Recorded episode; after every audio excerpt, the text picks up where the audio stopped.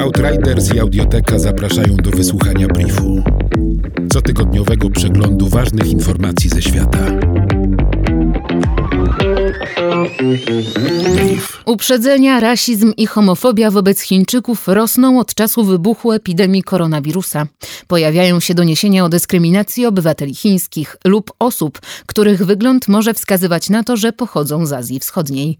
W miejscach, w których Azjaci są wyraźną mniejszością, takich jak Europa, USA i Australia, sinofobia jest powiązana ze stereotypami dotyczącymi Chińczyków. W nowojorskim Chinatown spada liczba turystów i klientów, w niektórych restauracjach nawet o 40%, co powoduje redukcję etatów. Nie stwierdzono jednak żadnego przypadku zachorowania na koronawirusa w stanie Nowy Jork, dane z 26 lutego 2020 roku.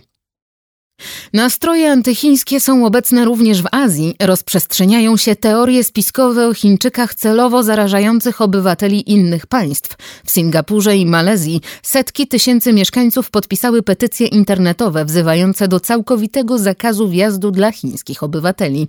Rządy obu krajów wprowadziły obostrzenia przy wjeździe na terytorium Singapuru i Malezji. W Japonii Chińczycy nazywani są także bioterrorystami. Koronawirus wywołuje antychińskie nastroje również w Korei Południowej. Część sklepów i firm nie chce obsługiwać obywateli chińskich. W internecie natomiast można przeczytać rasistowskie komentarze.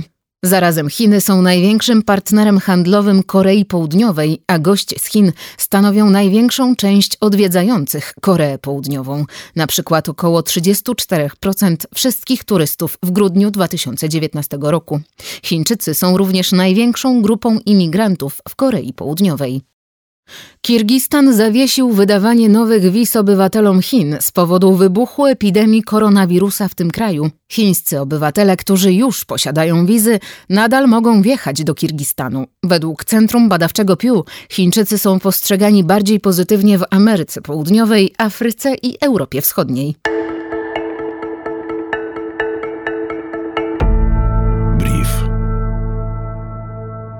W raporcie Światowej Organizacji Zdrowia WHO, Funduszu Narodów Zjednoczonych na Rzecz Dzieci UNICEF i naukowego czasopisma medycznego The Lancet oceniono 180 krajów pod względem szans dziecka na rozwój. Skoncentrowano się m.in. na czynnikach zdrowotnych, dobrobycie, edukacji, odżywianiu, zrównoważonym rozwoju kraju i poziomie emisji dwutlenku węgla. Obecnie żaden kraj nie oferuje dziecku zarówno szansy na wychowanie się w zdrowych warunkach, jak i środowiska odpowiedniego odpowiedniego dla jego przyszłości, co jest związane z degradacją środowiska, zmianami klimatu i wykorzystywaniem praktyk marketingowych w promowaniu niezdrowych produktów żywnościowych.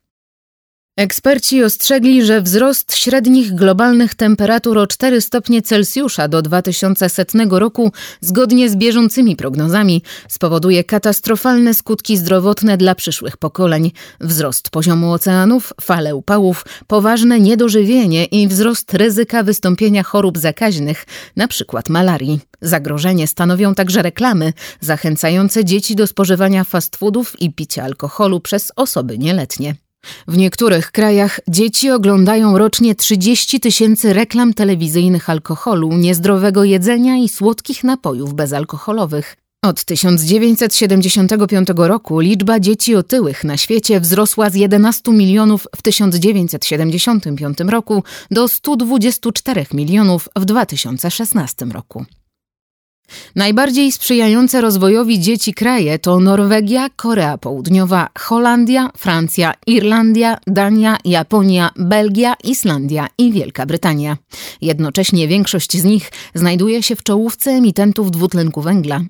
Kraje najbliższe osiągnięciu celów w zakresie emisji CO2 na mieszkańca do 2030 roku, a także zapewnienia dobrych warunków rozwoju dla dzieci, pozycje w czołowej 70 rankingu to Albania, Armenia, Grenada, Jordania, Mołdawia, Sri Lanka, Tunezja, Urugwaj i Wietnam.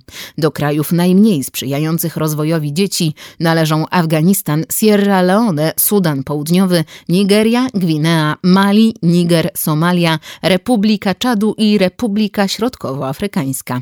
Brief Outriders.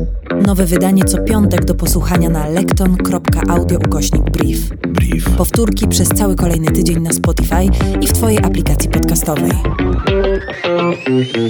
Brief.